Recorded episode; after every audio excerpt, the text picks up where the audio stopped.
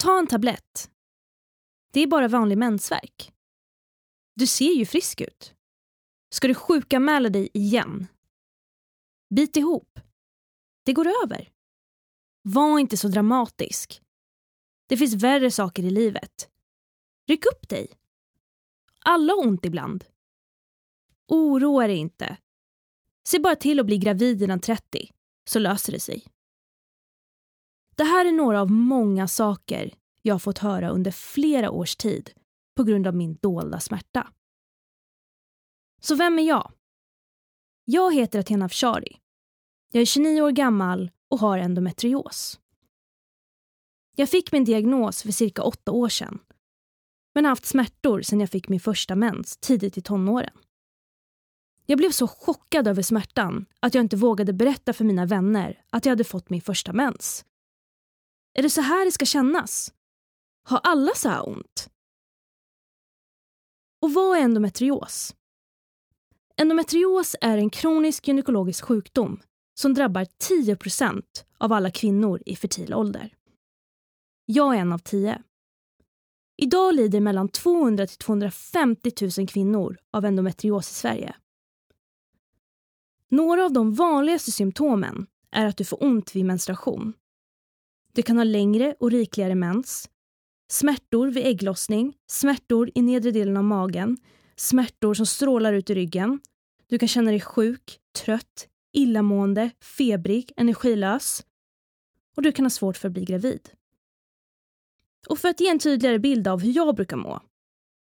Tänk dig tusen nålar och gå på krossat glas. Fast smärtan känns i magen. Ja, det är ungefär så. Jag känner mig ofta trött och ur balans. Men symptomen varierar från person till person. En del känner knappt av sin endometrios och andra får outhärdliga smärtor. En sjukdom med många olika smärtgrader. Men varför kallar jag endometrios för en dold sjukdom? Den är ju vanlig, en på tio. Men trots det okänd för allmänheten.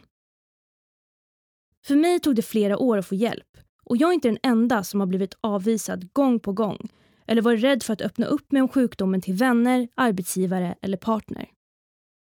Just därför har jag valt att göra en poddserie om smärta som inte alltid syns på utsidan. Allt ifrån kronisk smärta beroendesjukdomar, psykisk ohälsa, rädsla eller någon typ av skada eller förlust. För att ge en röst, råd och känslan av att inte vara ensam. Och för att uppmärksamma allmänheten. Podden kallar jag för Min dolda smärta.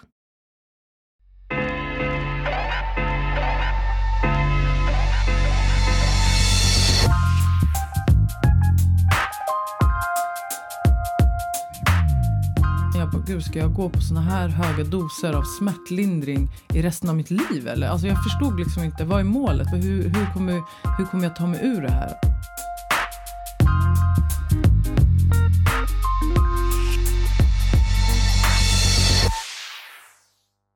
Välkomna till första avsnittet av Min dolda smärta. En poddserie om smärta som inte alltid syns på utsidan.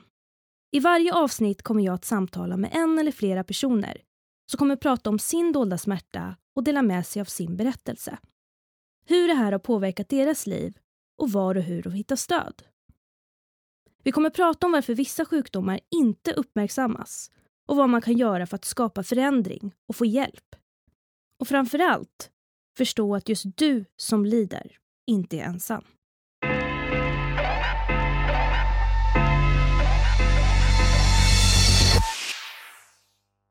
Min gäst idag är en person jag verkligen beundrar. Hon är en av Sveriges mest kända artister, the queen av svensk hiphop och en förebild för många. Och idag har jag äran att ha med henne i studion för att prata om ett mycket viktigt ämne.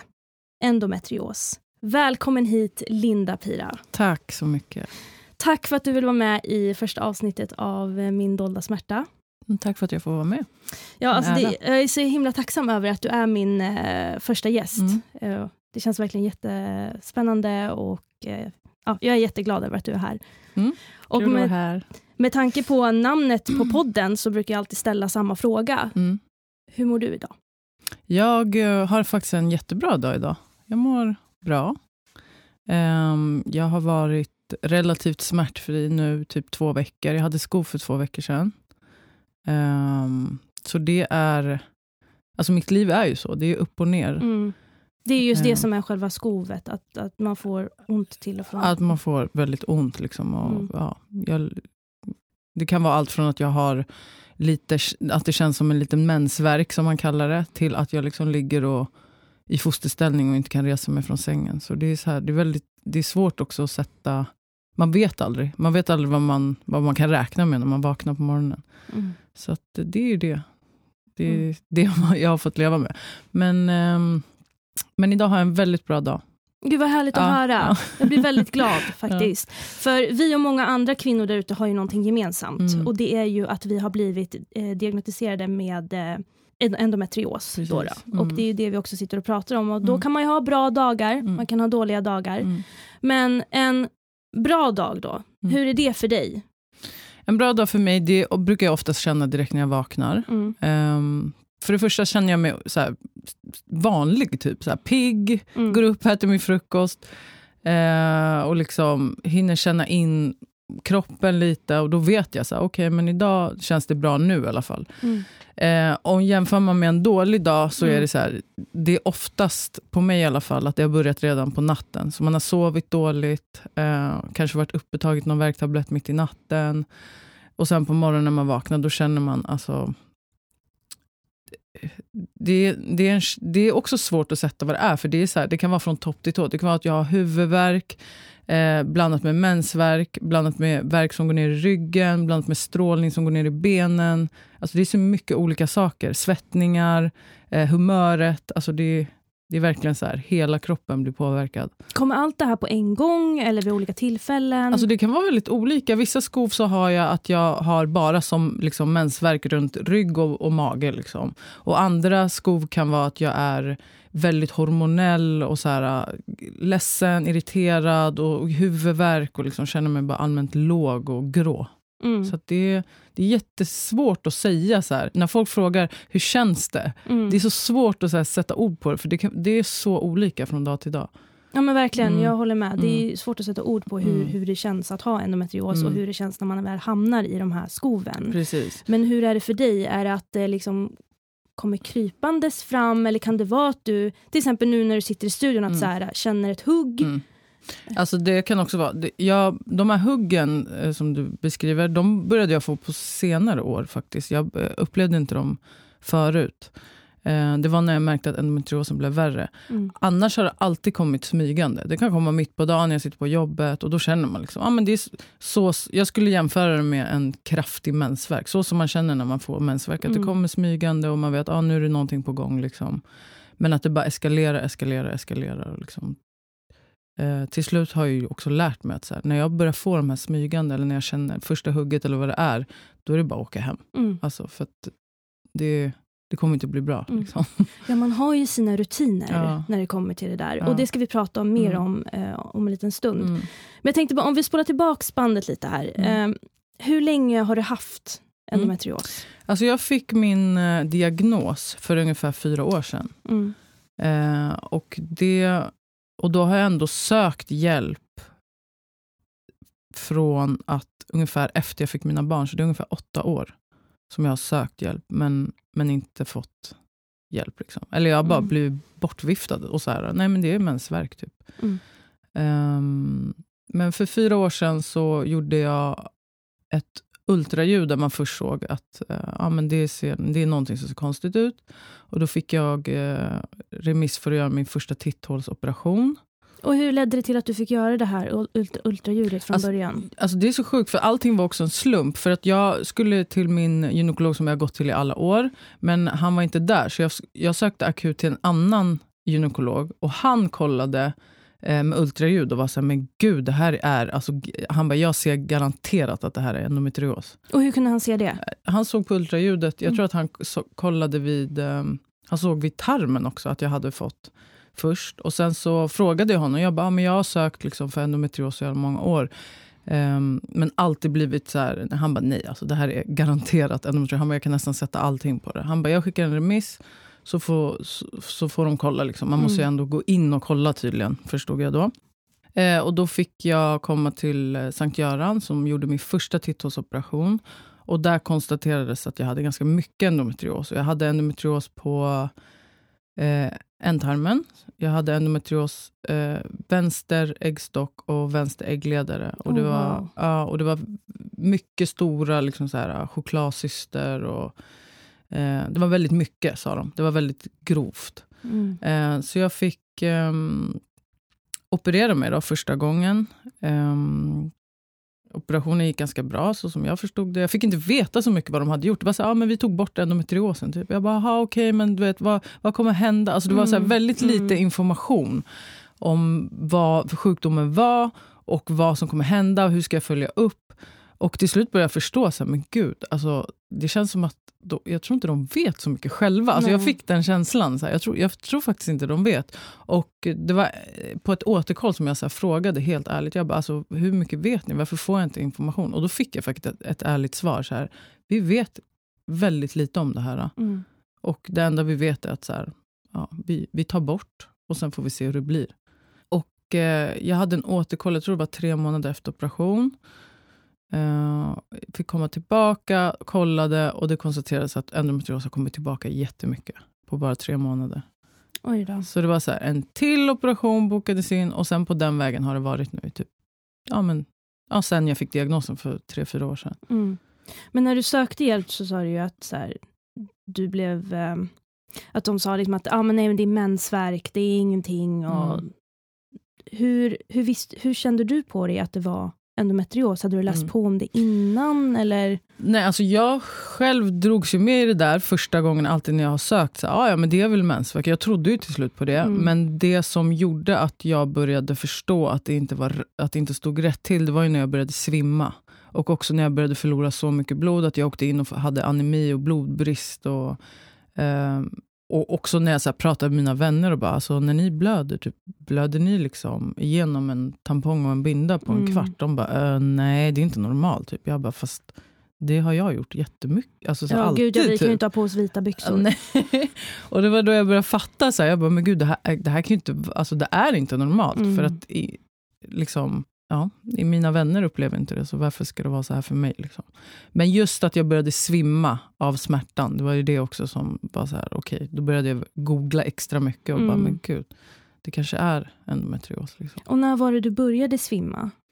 Eh, min endometrios blev konstigt nog, det här kan inte heller någon förklara för mig, men efter att jag födde mina barn eh, 2013, det var då min endometrios blev värre och värre och värre och Mm. värre. Och det var då också jag började känna av så här, mina skov blev längre, de blev mer och mer oförutsägbara.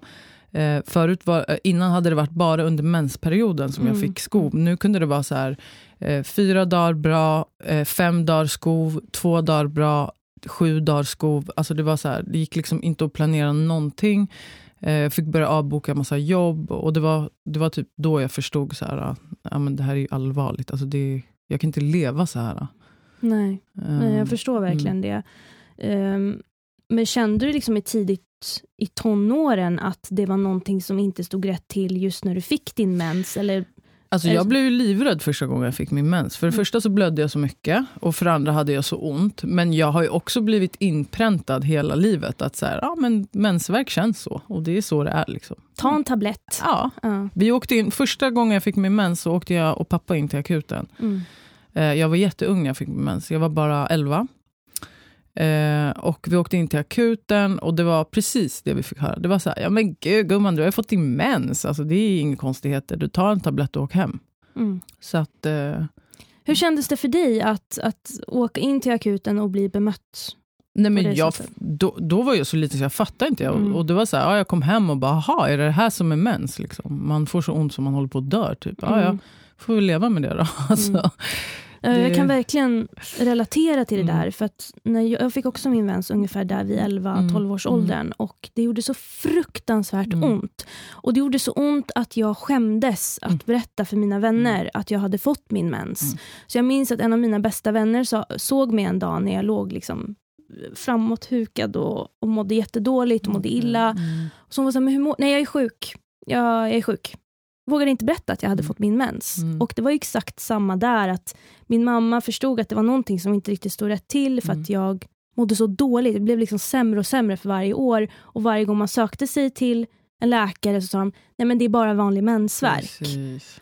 Så jag kan verkligen förstå Mm. att, Och jag känner igen det där jobbigt. också, den, den där skammen. För Mm, att den, mm. den dagen när jag fick åka in med min, min pappa och min mamma eh, separerade när jag var sex. mm, Men de har alltid haft liksom, bra kontakt och sådär. Och det, alltid varit, det funkat liksom, i familjen. mm, Men den här veckan var jag hos pappa och eh, han blev liksom väckt av att, det var en, att jag vaknade i min egen blodpöl. Och han blev ju självklart livrädd också. Mm. Bara, vad är det här? Det är ju min dotter håller ju på att dö. Liksom.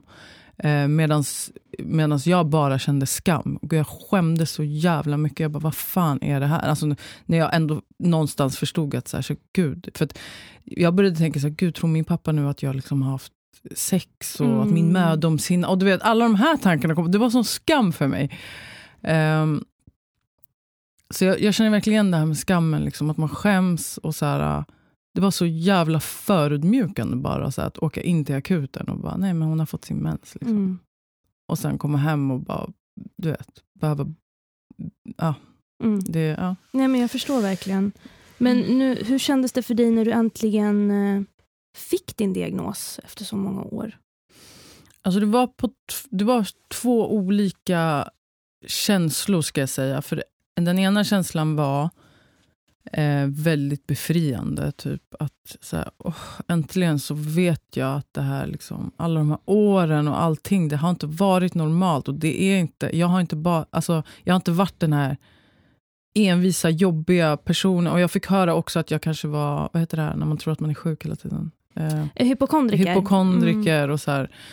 För att jag, det var ju så ofta som jag mådde dåligt. Jag sa ju det ofta i skolan. Jag bara, nej jag är sjuk och nej jag mår dåligt. Och till slut folk bara, men gud du är alltid sjuk. Du mår Ja. alltid dåligt. Och jag bara, åh gud det är sant. Alltså, jag säger ju det hela jävla tiden. Liksom. Jag Oh, förlåt att jag svär så Nej men det gör ingenting. Ehm, men ehm, Hur tacklades du med det då? Alltså bli ifrågasatt ja, hela men det, är tiden? också, det är också en skam i sig. Mm. Till, slut blir man, till slut orkar jag inte säga någonting. Eh, och det måste jag säga, efter, att jag, fått, efter jag fick min eh, diagnos, det har varit så jävla mycket lättare bara att förklara för folk. Så. Mm. Alltså, nu kan jag gå in i ett rum direkt och säga så här. Eh, ja, eh, bara så att ni vet, det kan hända att jag kanske måste avbryta, måste gå Mm. hem. Alltså, du vet, jag är så rak nu för jag orkar inte hålla på och dividera. Och bara, eh, ja, jag lite, och du vet, för folk förstår inte. Det Nej. är så här, vadå, okej, hon fick lite ont i magen, hon måste gå. Så att det har varit så mycket enklare att bara vara rak nu. Mm. Eh, men för att komma tillbaka till frågan när du frågade eh, vad jag kände när jag fick... Det är ju både den befriande känslan, men också så här, rädsla såklart. Okej, vad kommer hända nu? Alla frågor. Känner jag någon som också har det här? Kan jag ringa och fråga? Jag, hade, jag har en väninna som också har det. Så jag började ringa henne och bara fråga. Liksom. Och hon har inte alls liksom samma grad som mig heller. Så för mig var det så här, jag ringde henne, jag bara, men gud, det här är lugnt.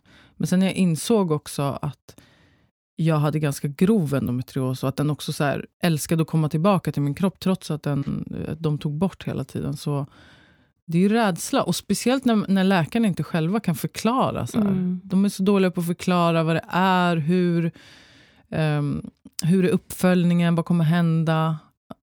Jag, tyck, alltså jag tycker jag har fått så himla dålig information och det är också svårt att få tag på information på nätet. Och det är så här, det är mest bara prat om så här, ah, men smärtlindringen. Och det var också någonting som gjorde mig så här ledsen. Jag bara, gud, ska jag gå på såna här höga doser av smärtlindring i resten av mitt liv? Mm, Eller? Alltså, mm. Jag förstod liksom inte, vad är målet? Hur, hur, kommer, hur kommer jag ta mig ur det här? Alltså, finns det en plan eller är det bara så här, nej men jag är dömd att leva med liksom starka mediciner hela livet? Mm. Så det är mycket rädsla och mycket, men också samtidigt frihet att, vän- att veta så här, ja, men nu har jag i alla fall en grund och, och veta vad det är som, som händer i min kropp. Liksom. Mm. Men du, du, apropå det här just med smärtgrader. Mm. Det är ju olika smärtgrader Mm. liksom, när det kommer till endometrios. Mm. Alla känner ju inte samma Nej, sorts precis. smärta. Liksom. Ehm, vad är det för slags behandling som hjälper din smärtgrad? Mm. Alltså det bästa som har fungerat för mig är eh, tyvärr eh, stark, alltså starka mediciner. Och Det gjorde också att jag blev beroende väldigt snabbt av starka opiater. Jag Mm. fick utskrivet eh, vad heter det, Oxynorm. Det började med liksom det började med att de började med Alvedon och allt det här, men som jag alltid har fått i alla år och ingenting har hjälpt. Över till Naproxen som jag fick ta som daglig dos. Eh, men jag märkte att ingenting hjälpte liksom, mot smärtan, så man har hela tiden fått trappa upp liksom, smärtmedicinerna. Mm. Och till slut var jag på jättehöga doser. Men finns det något annat som hjälper för dig? För vilken smärtgrad är det? Har du den högsta? Ja, jag har den högsta. Ja. Ja. Vad finns det som... Eller hjälper? de säger att min typ av endometrios är den högsta. Den Sen vet högsta. inte, smärtgraden det är ju relativt men mm. de, min typ av, liksom, på sjukhuset sa de du, är, du har den högsta graden och du är högst prioriterad. Typ, så. Mm. Eh, men... Jag tänker om det är någonting som hjälper uh, Alltså jag har ju haft, alltså träning har hjälpt mm. mig. Alltså det är typ träning, eh, avslappning, meditation, alltså allt sånt har hjälpt jättemycket också. Mm. Jag är ju besatt av min vetekudde. Ja. Den här som man värmer. Och ja. har, jag ja. sover ju med den ja. varje natt. Mm. Jag har också haft en mm. vetekudde som jag liksom inte släpper. Sen eh, tyvärr, så typ, efter några år så hjälpte det inte med den heller. Du gjorde inte Nej. det? Nej. Så det var bara så här, alltså den är skön att ha på magen, den har jag fortfarande när jag får skov. Men det, det hjälper inte mot smärtan, det är bara lite skönt. Typ. Mm. Så. Så att eh, det, och sen så har jag haft eh, såna här uh, massagepistoler som är jätte, alltså kraftfulla. De har hjälpt också. Eh, när jag masserar ljumskarna så att jag nästan domnar bort. Liksom. Och även i, i vad heter det? ryggslutet. Alltså mm. nere vid, I ländryggen. I ländryggen. Mm. Så det har hjälpt. Mycket massage, nålar, jag har varit på akupunktur mycket och så. Men det har också varit grejer som har hjälpt tillfälligt. Alltså när jag kommer ut från massage, då känner jag mig fri typ 45 minuter. Men sen mm. så börjar det liksom spännas mm. igen och göra ont. Men finns det någonting som triggar igång eh, din smärta mm. hos dig? Och det märkte jag också. Jag är ju tvåbarnsmamma, så jag har eh, tvillingsöner på sju år. Och det är ganska hetsigt liksom att vara eh, mamma till två söner, försöka få ihop musik, liv och mm, turnéer och allting. Mm. Och jag märkte att när jag blev stressad, då kom skoven mm. alltså tätare. Liksom. Så att det, var, det märkte jag väldigt snabbt, att så här, stress verkligen tog fram skoven mm. ordentligt. Ja. Så att, eh, så att eh, det här att försöka balansera, liksom, att så här, meditera mycket, försöka hitta lugn, vila, få tillräckligt med sömn och ändå försöka träna Alltså jag älskar träning, jag har tränat hela mitt liv. Men de gångerna jag får skov, då är det ändå, det gör så pass ont så att jag, jag kan inte ta mig till gymmet. Och det är också en sorg i sig. Liksom, så här. Jag vet att det är det enda som hjälper, men jag klarar det inte. Mm. Det, är, det är jättefrustrerande liksom, när, när det händer. Ja, jag förstår verkligen det. Och jag tänker liksom så här, nu nämner att så här, du är tvåbarnsmamma, mm. du har väldigt framgångsrik karriär, eh, musiken och träningen och allt det liksom, Hur påverkar endometrios din livsstil? Mm. Hur får du ihop det? Mm.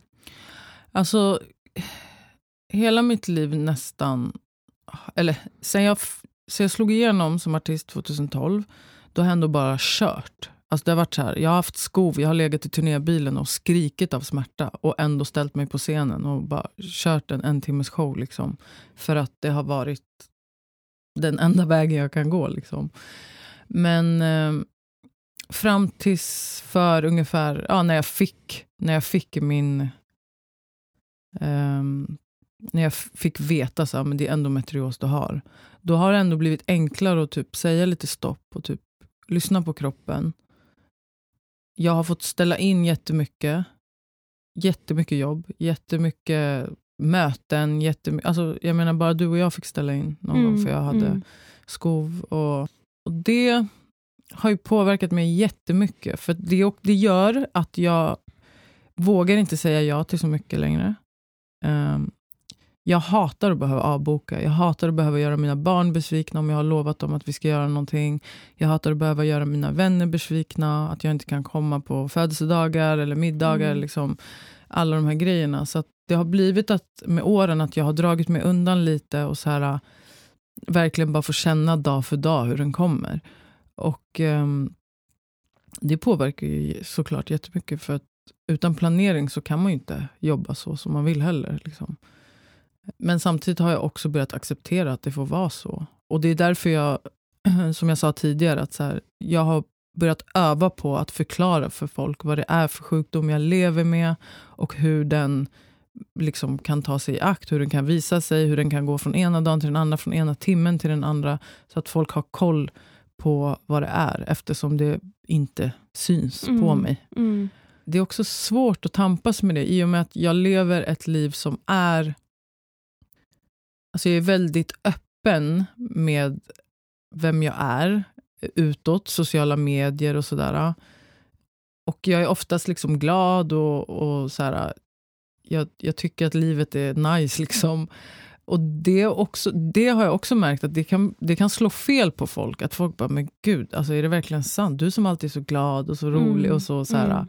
Att man liksom inte blir, typ, inte betrodd, men att det, det, folk har en annan bild utav en. Sen när man förklarar om, om de här sakerna, att det blir liksom jag vet inte. Jag, men jag förstår alltså, precis vad du typ menar. det. Jag läste faktiskt, det är ganska intressant det där du Mm. säger, för att jag läste om en, en intervju om dig och reagerade Mm. på ett citat som du sa. Och då sa du att alla tänker att jag alltid har det jättebra. Mm. Jag vill berätta att alla har upp och nedgångar. Instagram är inte ett facit på hur man mår. Och jag tyckte det var så himla bra sagt. Mm. För det är verkligen så. Det är verkligen så. Och det har... ehm, Eh, jag som artist har varit väldigt... Eller jag har försökt vara väldigt noga och öppen med att eh, Instagram är inte allt du ser i den här lilla fyrkanten. Liksom. Utan... Eh, alltså, det, är så, det är så svårt också för barnen, eller ung, de unga som växer upp idag. Det är svårt för oss att sätta oss in i det. För, för de är ju den här paddan eller den här äh, telefonen, det är ju allting som, det är ju hela deras liksom, Mm. liv, det är deras verklighet. Vi Mm. kan inte ens alltså, tänka oss in hur det är för dem. Så att det har varit väldigt viktigt för mig att försöka så här, visa ändå. När jag är ledsen, jag, jag, alltså jag, nu, det var svårt i början men nu så, så kan jag filma lägga upp ett klipp när jag ligger i skov och gråter eller, eller är på sjukhuset. Eller är liksom så här, för att visa att så här, allting är inte som det verkar på Instagram. Det är inte bara frid och fröjd och en dans på rosor. Och, Mm. eh, bara för att man är artist eller eh, liksom offentlig person, att det är så här, allting är perfekt. Och du vet, det, det är så många som har den bilden. Eh, så att eh, det har varit jätteviktigt för mig att bara försöka visa det och, och ja, men också vara öppen med att precis, det behöver inte vara endometrios, det kan vara andra. Det finns så många olika dolda sjukdomar Mm. som inte syns, eller liksom psykisk oh- ohälsa och massa saker som man bara önskar att få, bara de här som har stora plattformar bara kunde vara Mm. lite mer öppna med. Liksom. Att det inte är, allting är inte som det verkar. Liksom. Ja, det är många som Mm. bär på dolda smärtor. Eh, som det behövs Verkligen. prata mer om. Mm. Eh, men vad, vad får du för slags respons när du lägger ut såna här klipp på just när du får dina skov? Mm. Alltså det är det som har varit så givande för mig. För att jag har ju också i min sjukdom känt mig väldigt ensam. Mm. Eh, och speciellt eh, så mycket som man kämpar och har liksom varit, hoppat från sjukhus till sjukhus, träffat så många olika läkare, eh, gått med i massa olika forum och allt, liksom hela den här kampen. Mm. Eh, och när jag började lägga ut och visa att så här, jag lever med den här sjukdomen, det är skitjobbigt liksom. Och jag fick så många kvinnor som bara, men gud jag har samma och jag lever så här också. Både för, alltså för mig så var det så här, wow, jag, jag är inte ensam. Mm. Och jag märkte också att för dem var det så här, men gud, hon har det här. Och liksom, Mm. vi är inte ensamma. Så att det var verkligen så här, det är både givande och jag får ju jättemycket, alltså så här, jättemycket utav det också. Mm. Och det är också det som har gjort att jag har orkat vara så öppen med min endometrios. Även om vissa dagar är så här, jag, äh, gud, jag orkar, inte, Mm. orkar verkligen inte prata om det här. Det är så, det är så jobbigt liksom. Och så här, eller jag orkar inte filma idag när jag ligger i skov. Eller så här. Men jag har försökt att vara öppen och jag märker att så många uppskattar det.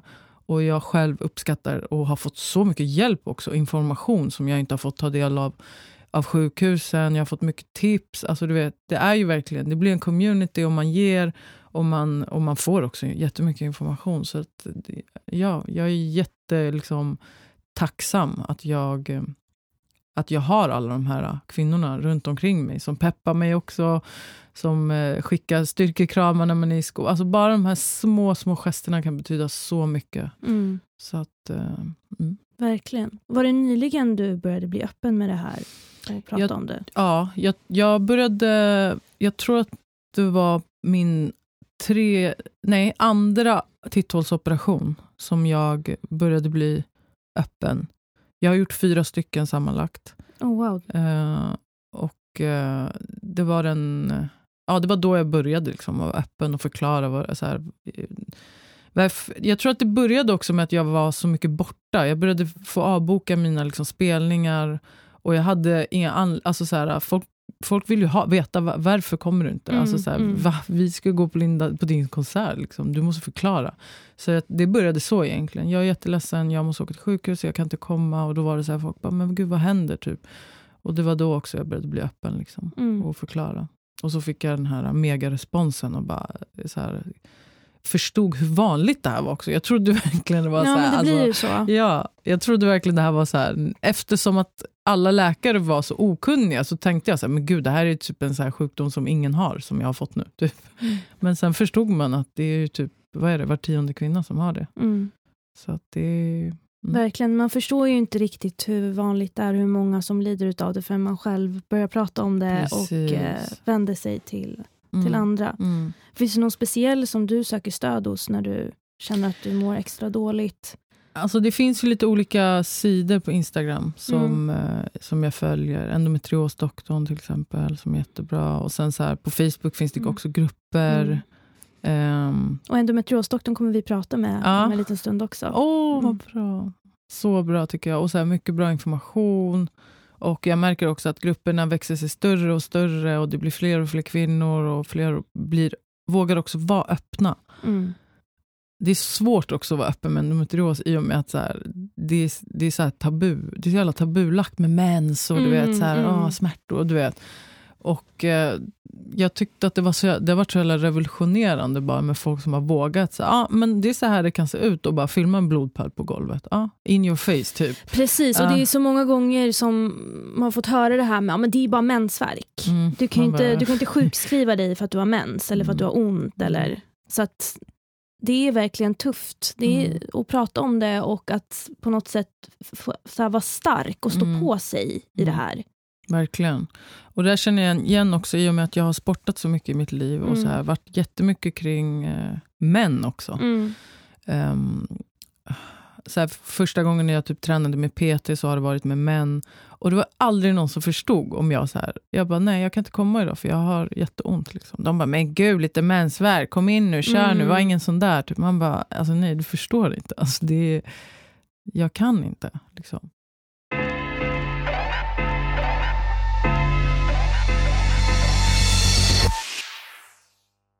Vad är det vanligaste du får höra när du behöver avboka på grund av att du har ont?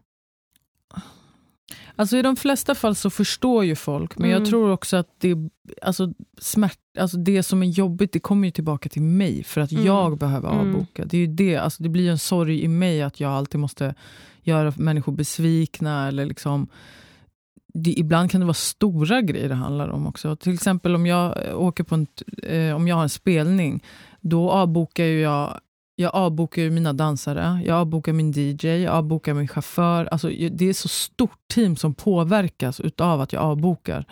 Så att jag, jag får sån ångest av det. Liksom. Mm. Gud, nu, nu får ingen av de här liksom, jobb. Eller på grund av mig, på grund av att jag har ont. Mm. Så det är väl det, att man har levt med den... Alltså, vad ska jag kalla det? Liksom? Man känner skuld. Ja, jag. men precis. Mm. Den skulden. Men minns du någon uppoffring du har behövt göra då du verkligen har känt att så här, det, här, det här var verkligen inte bra? Alltså, mm, det är så många såna. Och jag tror att de, de, eller den största skulden är, har alltid varit gentemot mina barn egentligen. Det är så här, att vara en trött mamma som ibland inte ens orkar ta sig ur sängen. Eh, och försöka liksom så här... Alltså mina barn har varit så fantastiska. De har ju förstått också. Eftersom jag har varit på så många operationer och kommit hem med plåster på magen så har ju de förstått att mamma är sjuk och det är liksom vi, de har varit så förstående. Vi får hjälpa mamma. De har varit alltså, så här, väldigt grymma i det här. Liksom, så här, mm. och, hårdhudade. Och bara, men mamma är grym. Liksom. Vi fixar det här. Vi hjälper dig. Alltså, mina barn är sju år gamla, men de, kan, de hjälper till. De hjälper till att plocka här hemma. De är väldigt självgående. Så att jag, har verk, jag är väldigt välsignad att ha det. Men det tar inte bort skulden att jag, att jag känner mig som en dålig mamma. Liksom. Men det är också någonting jag jobbar på dagligen. Och, eh, man får inte, och jag får heller inte glömma bort att i den sista operationen jag gjorde, som jag gjorde i oktober, där, där var de ju tvungna att ta bort hela min livmoder och allting. Så jag har ju ingen livmoder eller någonting kvar. Jag kan inte få fler barn. Hur kändes det då? Ja, det var ett väldigt... Eh, det var hemskt, måste jag säga. För det var så här uh, väldigt det kändes också så akut. Helt plötsligt var det så här, nej, du har fått tillbaka det här så snabbt och det har satt sig på hela livmodern och allting är förstört där inne. Allting har vuxit ihop och så är bara liksom, det är bara en sörja av allting. Eh, och de förklarade för mig att så här, vi kommer nog behöva ta bort Eh, men i slutändan så får du ändå välja själv. Alltså det är inte så, vi kan inte tvinga dig att ta bort. Men vi eh, ser att det oftast blir bättre. Liksom. Speciellt när det är så illa som det är på dig. Um, så det var ett, alltså det var ett riktigt så här... Alltså jag var, gick omkring en månad och bara var i en så mörk bubbla. Och bara, vad ska jag göra? Alltså varför ställs jag inför det här mm. valet i mitt liv? Att behöva liksom veta att jag aldrig mer kan få barn. och så här, äh. Men ju mer tiden gick så var jag ändå... Alltså, jag, jag är väldigt så här, själslig och, och jag vänder mig mycket till Gud och sånt när jag, när jag blir prövad på det här sättet. Och i, i, mot slutet så började jag ändå känna så otrolig tacksamhet. Alltså mina tvillingar är eh, ett tvillingpar som överlevande utav trillingar. Och redan sen jag var liten, så jag, jag har haft problem sen jag var liten och fick cellförändringar när jag var jätteung. Och så här, jag har alltid sprungit hos gynekologen. Liksom. Mm. Men vi har aldrig förstått att det har varit eh, endometrios. Utan det har alltid varit, jag, jag har haft väldigt mycket problem där nere om vi säger så. Eh, så jag fick höra ganska tidigt när jag fick knipsa och hålla på och ta såna här prov och, eh, från mödomshinnan. Och det bara, den bara försvann mer och mer ju mer prov de tog. Att så här, nej men dina chanser att få barn kanske inte är så, så stora. Och, och sen även när jag fick veta att jag hade endometrios, då hade jag ju fött barnen. Mm. Men då mm. var det så här, åh gud, alltså, att du ens har kunnat få barn. Så att den här tacksamheten jag har, att jag har två friska barn utav um, jag fick ju veta att det var trillingar, mm. men jag fick också veta väldigt tidigt att det är ganska normalt att man har, inte normalt, men att, att, en, att de bråkar om platsen i livmodern och att en försvinner när det är så tidigt. Och det var också en skuld jag la på mig själv, att så, ah, det är mitt fel att, att trillingen inte eh, överlevde och sådär. Men ju mer jag tänker på det så tänker jag, alltså så här, jag har två friska barn, jag är så tacksam. Och även i det här, när jag fick det här beslutet att behöva ta, eh, eller när jag var tvungen att välja om att jag ska ta bort livmodern. Även där, så här, gud, jag har två friska barn. Jag fick verkligen den här möjligheten i livet. Det finns kvinnor som får ta det här beslutet utan att ha fått några barn. Liksom. Mm. Så att um, det har varit tufft, men, men det känns rätt nu. Mm. Efter alla om och men. Liksom. Det är skönt att det känns mm. bättre. Mm. Hur finner du styrkan i allt det här? Uh, alltså jag tror väl det är barnen. Mm. uh, men sen också, det jag ville säga också, att efter uh, den senaste operationen, jag tog bort livmodern, så har det blivit så mycket bättre. Alltså det är en stor, stor, stor, stor, stor förändring. Det var skönt. Ja. Och, um, vad är det för slags förändring som du märker? Smärtorna. Mm. Att nu, jag får inte de här täta skoven längre på samma sätt. Det är inte de här tre dagar eh, bra eh, två veckors skov liksom, som jag mm, hade mm. förut. Mm. Utan nu är det lite mer så här, ja, det, jag har liksom ont konstant. Typ, men det är en smärta som jag har levt med i så många år. Så den är typ så här, jag är ganska van med den.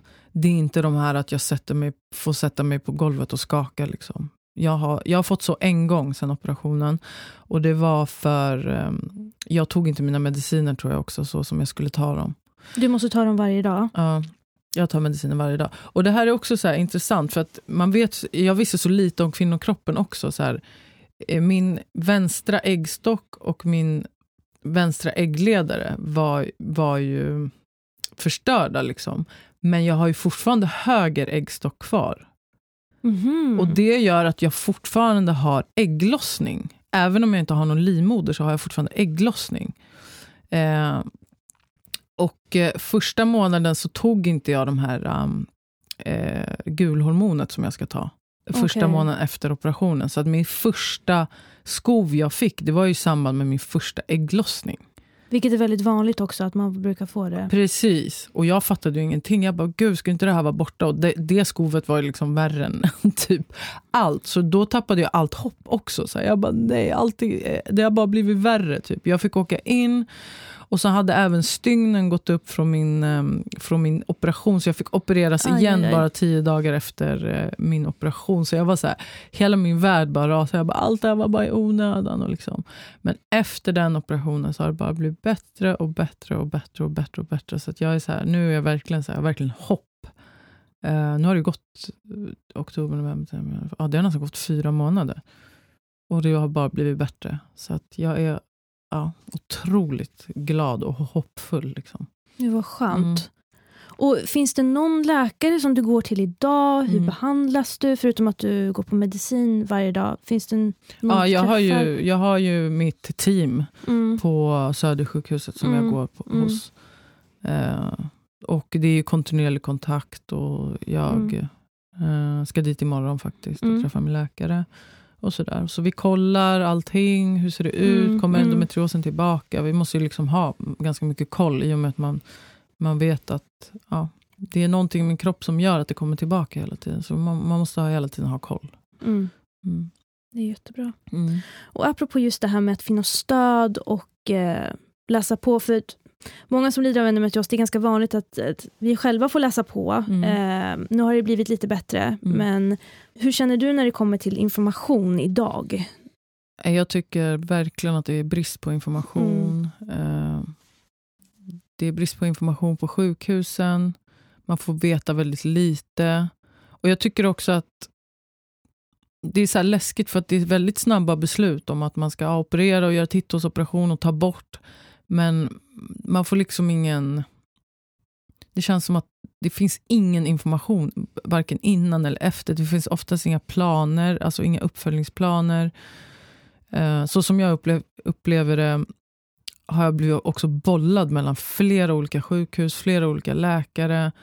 Och Det som har gjort mig så ledsen, det är också så här, det här som jag nämnde i början, att det känns som att det är skönare att få höra att de inte vet så mycket, tycker jag. Att de kan erkänna det för sina patienter. Eh, och även människor som pratar om det, eh, än att bara kasta ur sig saker. För det är också så här, eh, det känns som att, jag vet inte, nu låter jag så här arg mot vården, det är inte det. Alltså jag är jättetacksam över den vården jag har fått, men jag tycker att eh, det är typiskt Sverige också, svensk vård, att liksom eh, inte våga typ tappa ansiktet och inte våga säga att så här, nej men vi vet ingenting om det här. Alltså, vi vet väldigt lite och det här är informationen vi vet. Alltså, läs gärna och typ, eh, gå in här. Eller så här. Det finns inga forum, det finns, ingen, det finns ingenstans vi kan vända oss till för att få den här informationen. Vi, vi måste ju sitta och bli CIA-agenter mm, själva och sitta mm. och googla. Och, liksom. och Det är också så skrämmande, för det har, det har man också hört, man ska, man ska inte googla egentligen. För att du kan hitta så hemska så här, scenario. Liksom. Så att, ja, alltså i det stora hela det har blivit bättre, precis som du säger, tycker jag. Och um, ju mer man lever med, med sjukdomen så lär man ju sig också vad det är. och så här, Man förstår den mer. Men jag tycker fortfarande att um, i och med att det är så många kvinnor som blir drabbade så tycker jag personligen att så här, det här borde man prata om redan i, i skolorna. Mm. Alltså i början, mm. när, i, i lågstadiet när man börjar prata om sexualkunskap. Alltså det, baka in det i sexualkunskapen. Att det finns, eh, att det är jättevanligt med kvinnor som liksom lever med det här och får leva med det här hela livet. Och Det är barn som drabbas som inte förstår att det, det är inte normalt. Verkligen. verkligen. Så att, eh, liksom, ja, det är väl en kamp som jag också försöker så här föra. Att liksom, jag tycker att alltså, i skolorna det är jätteviktigt att man börjar prata om det mer. Ja, prata om det i skolorna och prata med varandra Mm. framför allt. Mm, mm, Liksom. Vet hur man ska hantera den här sjukdomen. precis. Alla har sina olika smärtgrader, alla har sina olika rutiner. Mm, Och det var också det som vi pratade om där i början, just det här med Mm. rutinerna. mm, Så här, du, hur blir det för dig när du känner så här, okej, det här är en dålig dag. Hur löser du hela den dagen då? För att jag Mm. vet att när jag börjar känna smärta, mm, då, är så här, då går jag liksom på så här, survival mode mm, direkt. mm, Okej, nu ska jag eh, antingen ta en varm dusch Mm. eller så går jag och hämtar min vetekudde Mm. och så tar jag mina tabletter Mm. och så lägger jag mig ner och så tar jag det lugnt. Men det här visste man ju inte om innan. Nej, precis. Och det tänk hur många som lever med det här och inte har alltså, har det här. Liksom. Nej. För, att de, för att de, precis som vi säkert en gång i tiden, går runt och tror att det bara är vanlig mensvärk. Ja. Men jag känner verkligen igen det här, det här med rutiner och survival mode. Alltså Ja. man blir, jag blir ju väldigt så här, alltså, tunnelseende och praktisk när jag Mm. känner på att det håller på att komma. Det är så här, okej, nu ringer jag alla mina jobb, jag mejlar allihopa och säger att jag inte kan komma. Sen går jag, eller jag, tar mina, jag har alltid med mig min medicin i bilen Mm. eller i fickan så att jag vet, tar mina mediciner, eh, börjar röra mig hemåt. liksom allt det här som du säger, det är, så här, det är, det är en vardagsrutingrej som, är, som man man har tränat på så jävla länge. Som så här, det blir verkligen bara fokus på att bara försöka kura ner sig och bara må bra. Liksom. Mm. Eller överleva skovet. Precis. Typ. Och idag så Ja. kan du ju det här för att Mm. du har levt med det i flera Mm, år. Men om mm. du skulle jämföra med hur det var i början Mm. och idag, Mm. vad skulle du säga att den största skillnaden är? För mig är det, det är nog att, eh, ja, men att jag var tvungen att lära mig hur jag ska göra. Och, ehm, men också så att jag vågar nu vet jag att jag kan ringa, alltså du vet, får jag så pass ont att jag ligger eh, och hukar och inte kan prata, då ringer jag ambulansen. Alltså det är så här, eh, förut var det så här, nej gud, nej, du, jag kommer bli inte betrodd, de tror bara att det är mens. och så pinsamt att åka in. Och, men- du vet. Men nu vet jag att så här, jag är sjuk, alltså jag behöver hjälp när jag är så sjuk. Och ha, det kan inte vara bra att ha så ont. Liksom. Um, så att nu är det så här. Nu vet, och det, och det, det uppskattar jag också jättemycket med, med teamet som jag har idag eh, på SÖS. Att de har varit väldigt så här, du, har du ont, då ringer du. Mm. Alltså, då kommer du in direkt. Alltså, får du de här skov... Eller när du, när du börjar liksom förlora, det känns som att du förlorar lite med blod, då ringer du. Och det har ju varit så här, det har, ju, det har inte ens funnits i min värld att man ringer 112 innan. Det är bara att man ligger hemma och bara överlever. Mm. Ehm, men det är ju för, precis som du sa, det är för att man tror att man går runt och tror att det är normalt. Det är inte det. Jag tror också det handlar om att man förminskar sig själv lite. Ja, precis. Ryck upp dig. Ja. Liksom. Ja, ja. Det Det är, Exakt. Ta dig igenom det här nu. Liksom. Men ja. Jag tror också grundar sig lite att vara kvinna. Att så här, vara den duktiga flickan. Gud, Du får inte visa dig svag. Du ska visa styrka. Mm. Ehm, det där är också superviktigt att försöka ta sig ur, men det är svårt. Det är jätte, jättesvårt. Jättesvårt. Det har varit någonting som jag också... Så här, det är mina demoner, som vi också var inne på. Det är så här, alla... Det känns som att jag har råkat, eller så här, inte avsiktligt gett en bild av att jag alltid är glad, att jag alltid är på topp och allting är så jävla frid och fröjd. Men liksom, det är ju inte det. Mm.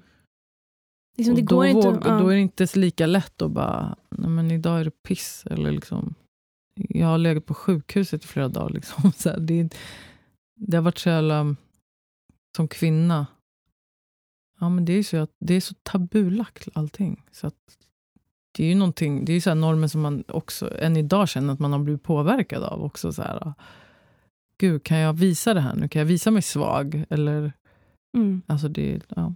Men det är som du själv säger, att så här, du känner dig som en dålig mamma. Mm. Du känner dig som en person som inte kan Mm. hantera sitt jobb. Mm, dålig känner dig som en dålig kollega, Ja, dålig mm. vän. Så här, vi ska inte behöva känna ständigt att så här, jag ska vara den perfekta mamman, den perfekta vännen, Mm, den perfekta duktiga dottern. Alltså det, det blir för överväldigande, men det är på något sätt inpräntat och inlärt beteende.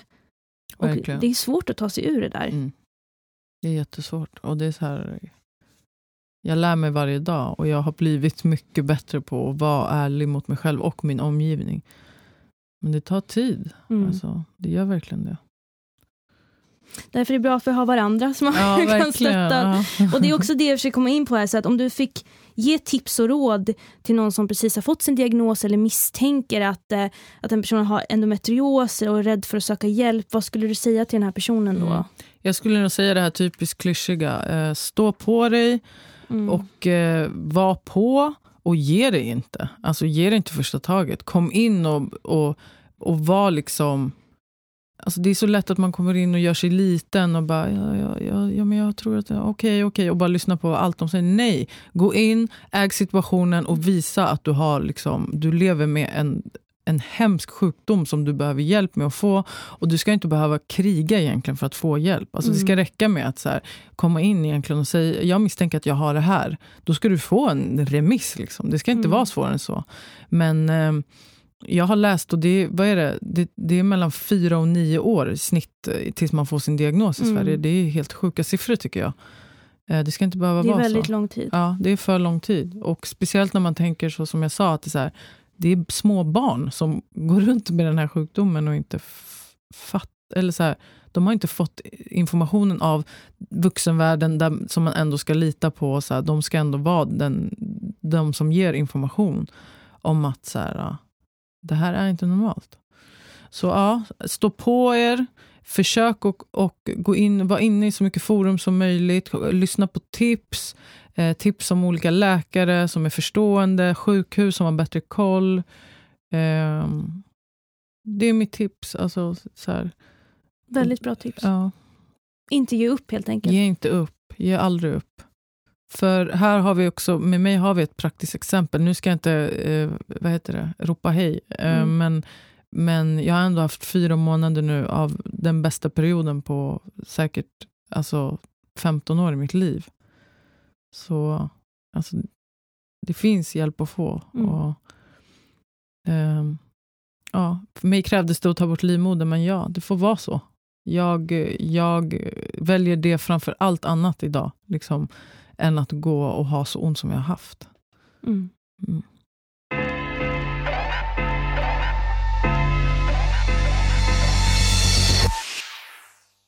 Och Linda, du har ju en väldigt framgångsrik karriär. Mm. Eh, men hur ser du på framtiden? Har du någon dröm som du vill uppfylla? Ja, alltså jag, gör, jag sätter upp nya mål och nya drömmar hela tiden. Och eh, Jag älskar ju min musik. Det är, det är någonting som kommer finnas med hela livet. Så det är så här, jag kommer alltid göra musik. Jag har, jag har också fått mina de här... Jag har fått skrivkramper och jag har fått så här, nej men nu ska jag sluta med musik som nästan alla artister får. Mm. Men jag har också märkt att eh, har man musik som en del av livet, det går inte att sluta göra musik. Så att eh, jag kommer fortsätta göra det. Men sen har jag också utforskat eh, andra roliga saker. Eh, jag har varit inne och provat på lite skådespel nu och jag tycker Kul. det är jättekul. Sen har jag också, alltså jag har, jag har ju så mycket sidoprojekt. Jag är ju en sån person som bara går igång på idéer och får jag en idé så måste jag genomföra den, annars blir jag galen. Så att jag har så mycket, liksom, jag har ju skrivit en bok tillsammans med elever på ehm, i Storhetsskolan. Åh, vad spännande. När släpps den? Den finns redan Jaha, ute. den finns Ja, ute. nu tog inte jag med mig. Jag ska, jag ska, jag, du ska få några exemplar så du har. Jag, Tack. de ligger i bilen. Nu skäms jag lite att jag inte visste om det. Nej gud, det är absolut ingen, ingen, ingen fara. Eh, men typ lite sånt. Alltså jag tycker det är så kul. Och Det har också varit så här en dröm som jag har haft sedan jag var liten. Jag, som jag nämnde, jag har varit väldigt så här, spirituell i mitt liv. och så här, Väldigt så här, eh, Jag eh, är väldigt mycket för tankekraft och visualisering.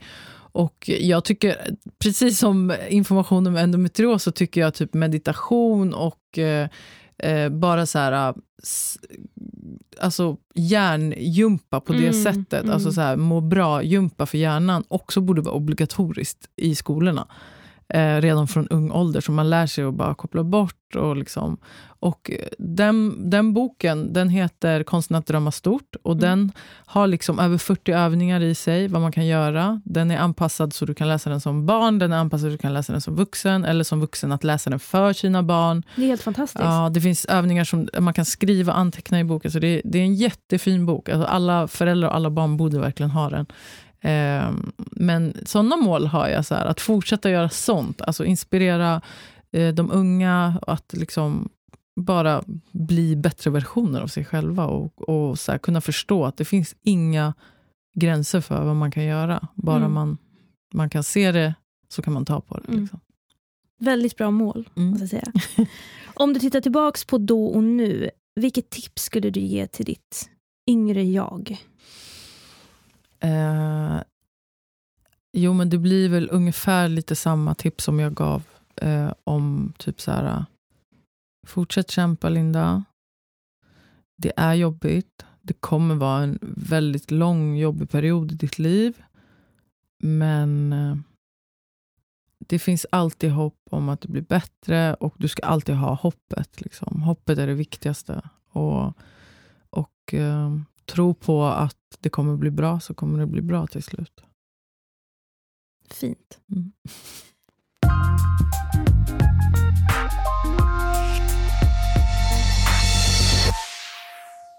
Tack så jättemycket för det här samtalet Linda. Det är så himla fint att du delar mm. med dig. Tack. Men vi ska inte riktigt avsluta samtalet än. Med oss idag har vi även doktor Anna-Sofia Melin som jobbar som gynekologläkare och endometriosspecialist på Capio Gyn. Hon har jobbat med endometriospatienter i flera år och ligger även bakom Instagramkontot endometriosdoktorn där syftet är att öka kunskapen kring själva sjukdomen. Anna-Sofia jobbar även på ungdomsmottagningen en gång i veckan och är även min läkare som har lärt mig otroligt mycket. Hej Anna-Sofia! Hej! Tusen tack för att du har tagit din tid att delta i vårt samtal. Vi är jätteglada över att du är här. Tack så mycket, roligt att vara här. Hur många år har du jobbat som gynekolog och endometriosspecialist? Ja, jag har varit eh, gynekologspecialist i 18 år och jag har jobbat med endometriospatienter i 10 år nu faktiskt. Wow, det är väldigt lång tid. Och mm. Hur kommer det sig att du valde att just inrikta dig på endometrios? Det var nog mycket slumpen, som det ofta är. Jag eh, blev doktorand i ett eh, forskningsprojekt som handlade om cancerrisk hos kvinnor med endometrios. Eh, men då jobbade jag med en helt annan del av gynekologin. Men så gjorde jag min forskning och min avhandling och efter det så började jag jobba kliniskt med endometriospatienter. Så det var den vägen in. Mm. Och vad tänker du nu efter att du har lyssnat på mitt och Lindas samtal? Jag tycker att det var ett jättefint samtal. Jag tycker att ni belyste väldigt bra hur den här sjukdomen påverkar kvinnan i hela hennes liv, i hennes vardag, med hennes arbetssituation. Att man eh, eh har den här oron för att inte kunna få barn att man eh, inte kan arbeta, inte göra karriär på det sätt som man hade tänkt. Att det påverkar kvinnan i så många delar av hennes liv under så stor del av livet. Från tonår, ibland innan tonåren och en bra bit in i livet. De flesta får en lindring när man kommer i klimakteriet, men det är ju en lång väg dit. Hur kommer det sig att man får en lindring när man kommer i klimakteriet? Endometrios är en östrogenberoende sjukdom och när östrogenet sjunker i kroppen naturligt då i klimakteriet så går också mycket av symptomen tillbaka. Mm. Eh, och många får ju en, en stor lindring efter att man har passerat klimakteriet, absolut. Mm. Jag och Linda pratade ju om att det tar i snitt eh, åtta år, fyra till nio år att få sin diagnos. Varför tar det så lång tid att få sin diagnos? Mm. Det är ju dels okunskap i vården, att man eh, inte vet vad endometriossjukdomen är. Eh, men också tror jag, svårigheter i samhället i stort. Just det här att det handlar om mens, det är tabubelagt och eh, man pratar inte om det och man eh, får ofta höra att Eh, det är så här att vara kvinna. Eh, lite mensvärk ska du tåla. Och så vidare. Och då, då blir det väldigt svårt att veta när den här mensvärken faktiskt övergår i en eh, sjukdom, ibland väldigt allvarlig sjukdom. Och då är det svårt att veta, ska jag söka vård för det här eller inte? Så dels att sjukvården har dålig kunskap men också att vi i samhället inte tar upp de här frågorna och diskuterar det. Men varför finns det fortfarande en okunskap hos vården kring det här? Ja, det är ju märkligt. Det här är ju sjukdom som har funnits i alla tider så att säga. Mm. Så att det, kunskapen borde vara mycket högre. Men mm. eh, kvinnosjukvård eh, eh, det satsas ju inte så mycket på det, eller har väl inte gjort i alla fall. Eh, och eh, som patient har man kanske blivit sedd som någon som är lite jobbig, man klagar på smärta, mm. man, det är mensbesvär och ingen har brytt sig om att ta det på, på allvar. Um, och det är ju förfärligt och det är ju så många kvinnor som lider av detta och som också eh, det, endometriosen kan ju leda till sådana följdsjukdomar. Va? Att gå med smärta till exempel på det här sättet kan ge psykisk ohälsa, depression, ångest. Är det vanligt ja, idag? Det har kommit mer och mer forskning på att det faktiskt bidrar till psykisk ohälsa och att det just är den här konstanta smärtan och smärtnivåerna som eh, är bidragande. Hjärnan orkar inte få de här smärtimpulserna hela tiden. Men det är också det sociala sammanhanget, att inte bli tagen på allvar, att tänka att man är inbildningssjuk, att eh, eh, den här kombinationen är ju eh, förfärlig eh, för många kvinnor. Och lägg då på oron för att inte kunna få barn. Eh, så blir det en väldigt komplex situation och som måste tas på allvar. Det finns hjälp att få.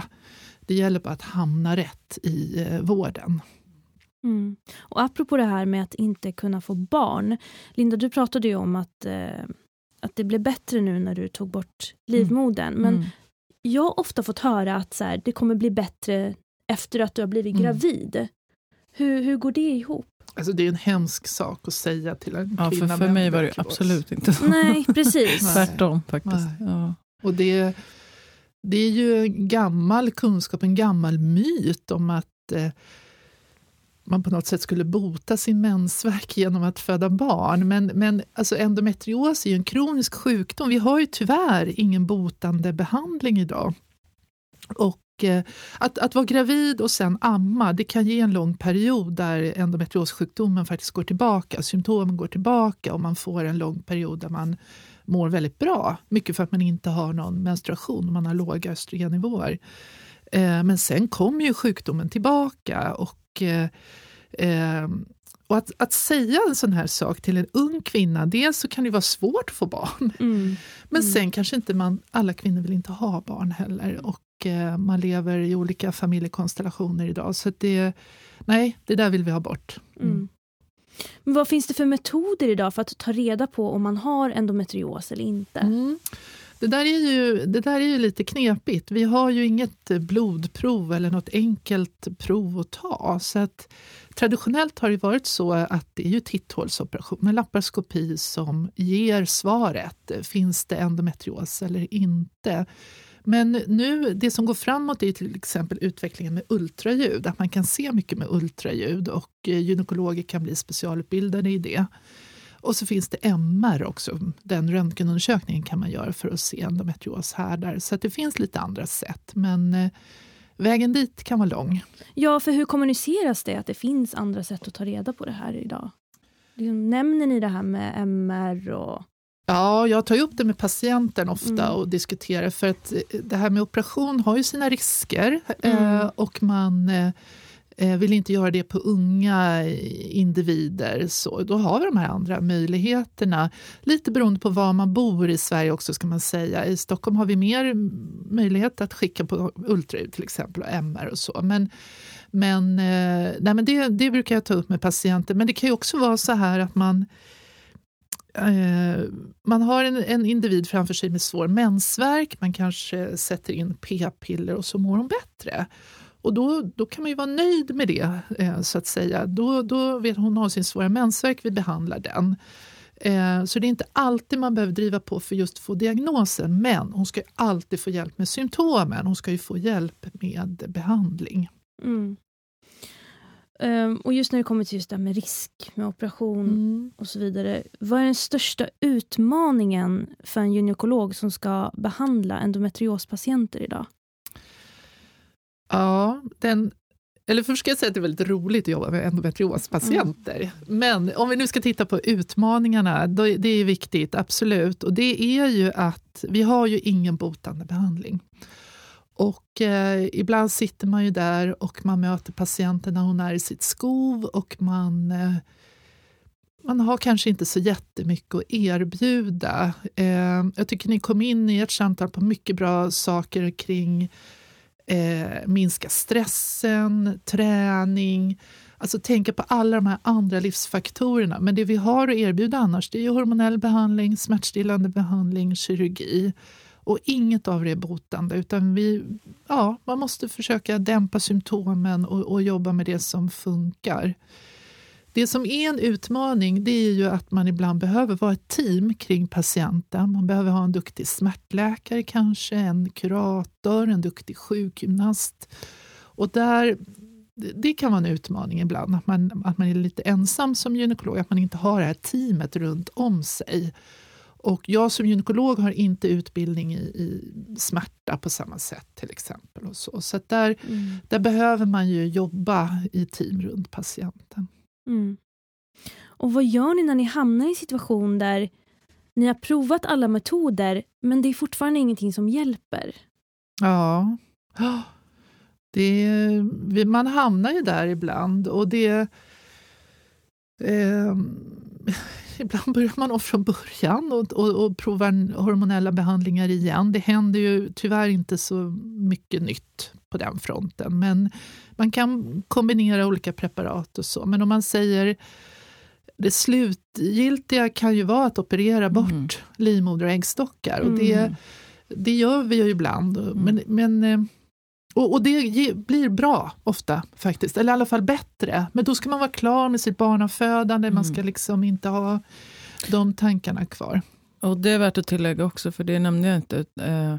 När jag fick min eh, diagnos, då fick jag det också förklarat. Att så här, det här är stegen. Vi börjar här. Du får börja med p-piller och så kollar vi. Hjälper inte det, då sätter vi dig i ett konstgjort klimakterie. Uh, och då fick jag ta någon så här eh, uh, nässpraygrej med, med tabletter. Är det gulkroppshormon man får ta då också? Nej, jag vet inte. Men men det var ju också det, så alla steg, och, och då sa de det, så här, och det slutgiltiga steget det är ju typ att man får ta bort livmodern. Mm. Så att det var också så här, det var som att bara, okej, okay, bara klättra en trappa. Okay, det, det, här funkade inte, det här funkade inte. Det här, och till slut stod jag där, bara, ah, men nu står jag här och måste mm. göra det här. Mm. Liksom. Det är det enda som funkar. Men det har också varit det enda som mm. eh, nu verkligen har funkat. Mm. Sen så, som jag sa, vågar man inte ropa hej, men, men eh, men ja, att det mm. har varit en lång process dit också. Um, och att man faktiskt måste testa allting, tror jag, innan man liksom får gå mm. på det här sist, sista steget. Liksom. Mm. Och, och verkligen våga göra det också. För att jag har läst jättemånga kvinnor som det har räckt med bara p-piller. Eh, och liksom det är så individuellt, verkar det som. Mm. Det är jätteviktigt det du mm. säger, mm. att man ska våga prova också, gå mm. vidare med de här behandlingarna och inte, inte ge upp. Men i det här, det krävs ju att man har en stabil läkarkontakt, att man vet var man kan vända sig och att man har ett förtroende för den doktorn och att man eh, lätt kan få komma dit och följa upp behandlingen. Många behandlingar har biverkningar och man måste liksom hela tiden kunna diskutera för och nackdelar. Men man ska aldrig vara rädd för att prova någon ny behandling i alla fall. Mm. Och Det var ju lite det vi också var inne på, just det här med eh, att man slussar, vi har slussats runt mycket bland olika läkare och inte riktigt haft den här kontakten som behövs. Och Det var ju verkligen det jag kände när jag träffade dig, Anna-Sofia, att jag fick den här kontakten. Det funkar, äntligen så funkar det. Vad tycker du att läkare bör göra åt det här? Och hur, hur, hur tänker du när du behandlar dina patienter? Det här är ju ett samhällsproblem egentligen som behöver lyftas på högre nivå. Jag menar, vi har ju vårdprogram och eh, uppbyggda eh, ja, hur vi tar hand om astmapatienter, diabetespatienter eh, och, och, så vidare. Varför kan vi inte ha en eh, vårdkedja för kvinnor med endometrios? Mm, att man mm har en namngiven gynekolog eller allmänläkare, det kan vara en distriktsläkare också, som, som är ens ansvarig doktor som man vänder sig till och sen kan den då vända sig till sjukhuset, remiss och så vidare om det behövs. Alltså, man skulle behöva bygga upp en eh, vårdkedja eftersom det är en så pass vanlig sjukdom som har så stora konsekvenser. Eh, annars så handlar det mycket om bara utbilda, utbilda, utbilda, utbilda gynekologer, barnmorskor. Jag tycker nu de yngre är ju helt annan kunskapsnivå kring det här. Många gör specialarbeten och, och så kring endometrios. Så jag tror att det kommer bli bättre. Eh, men det tar lite tid. Tycker du att det borde spridas mer kunskap kring just endometrios inom vården? Absolut, kring mensbesvär överhuvudtaget. Mm, mm, mm. Få distriktsläkaren att fråga om mensbesvär. Att de här, alltså kvinnor med endometrios går ju ofta igenom utredningar för tarmbesvär, för besvär med urinvägarna och ingen frågar om mensbesvär och gör den kopplingen. Det är det också som jag upplevde när du sa det här med team. Att första gången så var det faktiskt, så hade jag olika specialläkare för det är så stora områden som du säger. Jag hade liksom en som var specialiserad på en end, alltså en ändtarmsläkare, eller heter det? Mm. ändtarmsläkare, en smärtläkare eh, och sen gynekologen. Då, och helt plötsligt så kunde man få en helhetsbild. Mm. Och också så här, eh, det har varit så svårt för mig med smärtorna också. Och Många gynekologer säger nej men gud, vi vågar inte skriva ut något starkare än det här. Ja, men det här hjälper ju inte.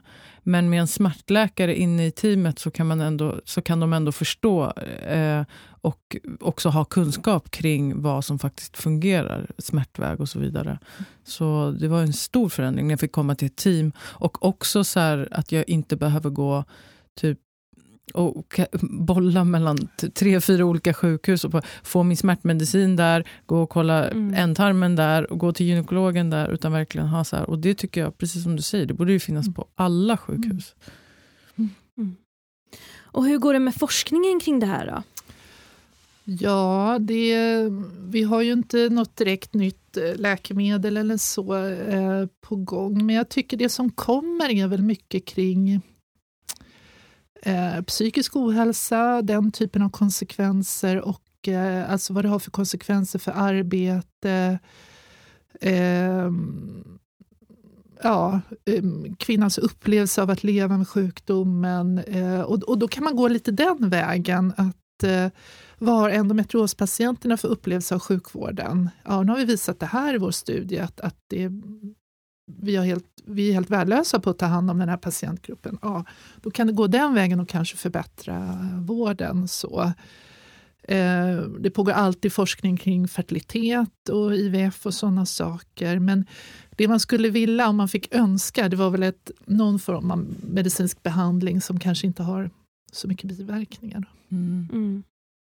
Och alltså, så här, om jag fick önsketänka någonting så här revolutionerande grej. Det är också så här, vad är det som gör, alltså så här, vad är det som gör att vissa får det och vissa får det inte? Finns det någonting man kan förebygga? Alltså är det kosten det handlar mm. om? Alltså så här, sådana svar har man ju också. så här, Gud, alltså vad revolutionerande mm. skulle varit om man bara fick ett svar på vad det är som gör. För det är verkligen... Det är här, jag, jag, känner att jag har typ gjort allt rätt men mm. ändå så blev det så fel. Typ. Och det, där, det där är också jätteviktigt mm. och det tycker jag är så tydligt i den här sjukdomen att man, många kvinnor lägger någon slags skuld på sig själva. Att eh, Är det för att jag har ätit fel? Är det för att jag väger för mycket, väger för lite, druckit alkohol? Ja, det kan finnas hundra olika skäl. Um, men det är, är för att du har drabbats av den här mm, sjukdomen. Mm, Man kan få många olika sjukdomar i livet. Mm. Men det är någonting, ni var inne bra på det, det här med skamkänsla, att man lägger skuld på sig själv. Jag har fått endometrios på grund av att jag eh, men så är det ju inte. Nej. Men det vore ju fantastiskt om vi fick en botande ja, behandling. Om verkligen. vi visste hur det uppstår och hur verkligen. vi då skulle kunna åtgärda det. Mm. Verkligen.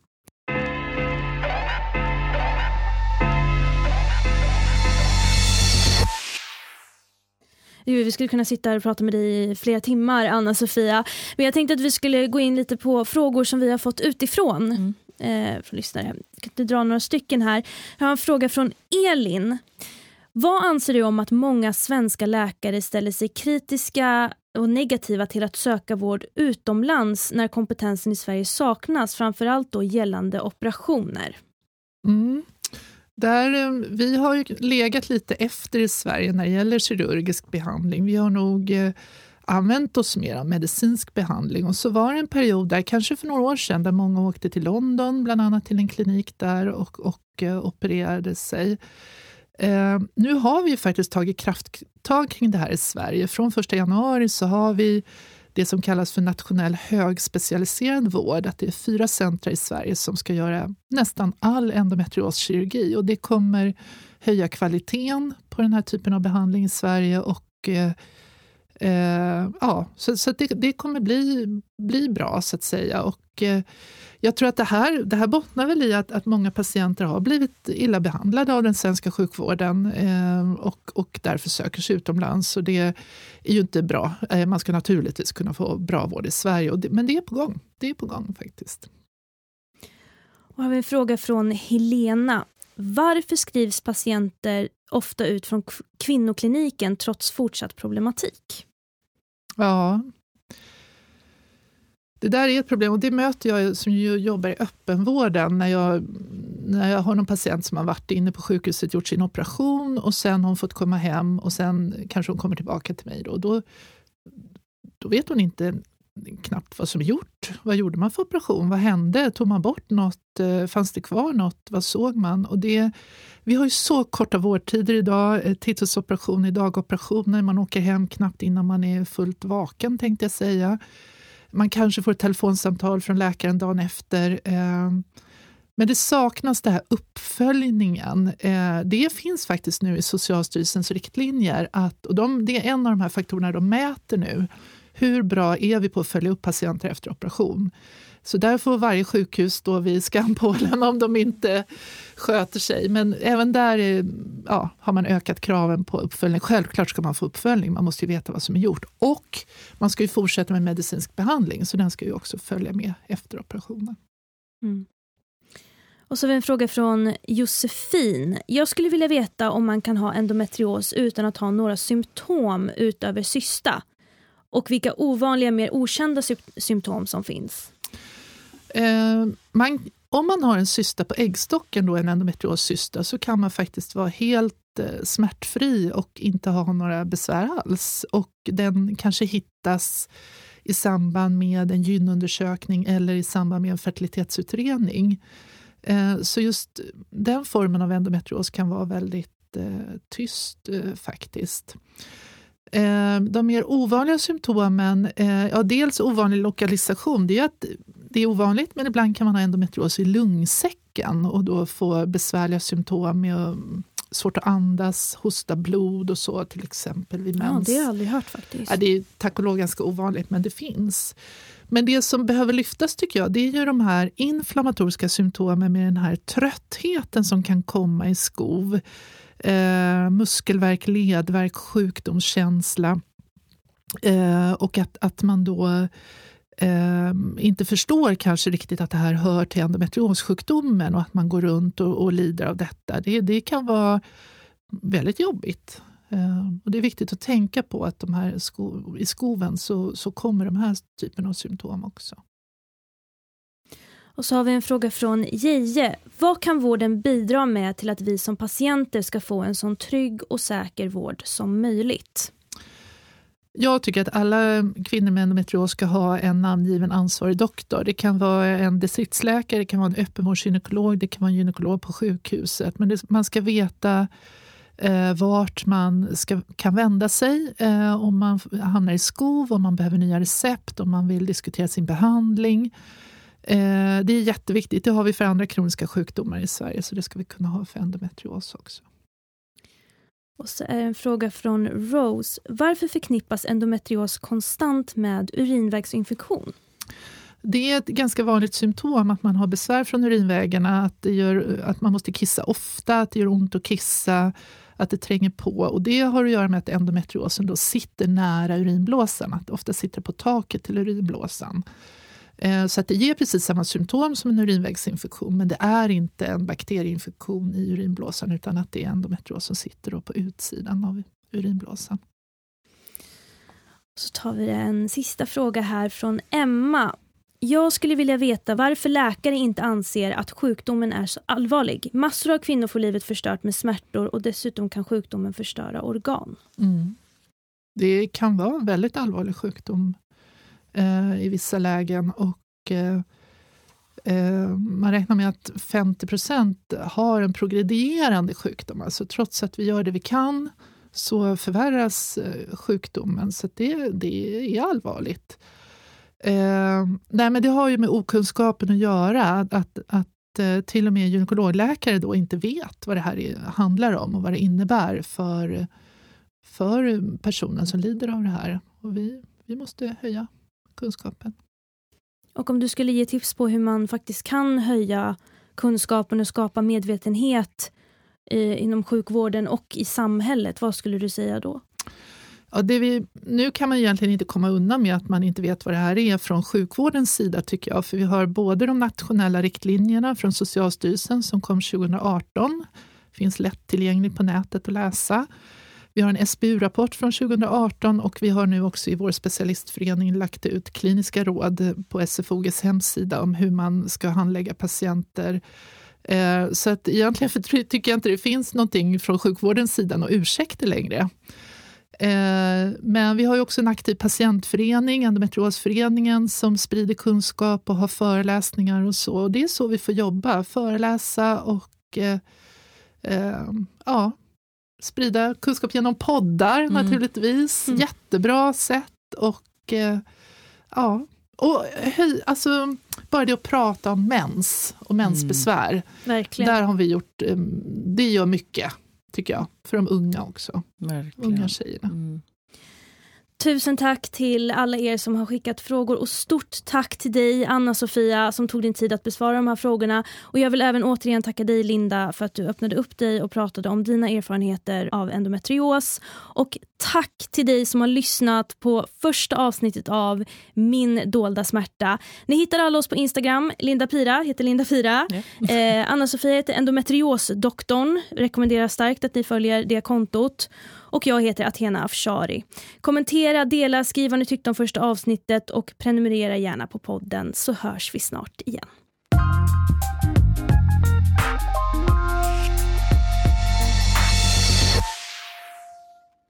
Min dolda smärta spelas in hos Smile röster och ljudproduktion.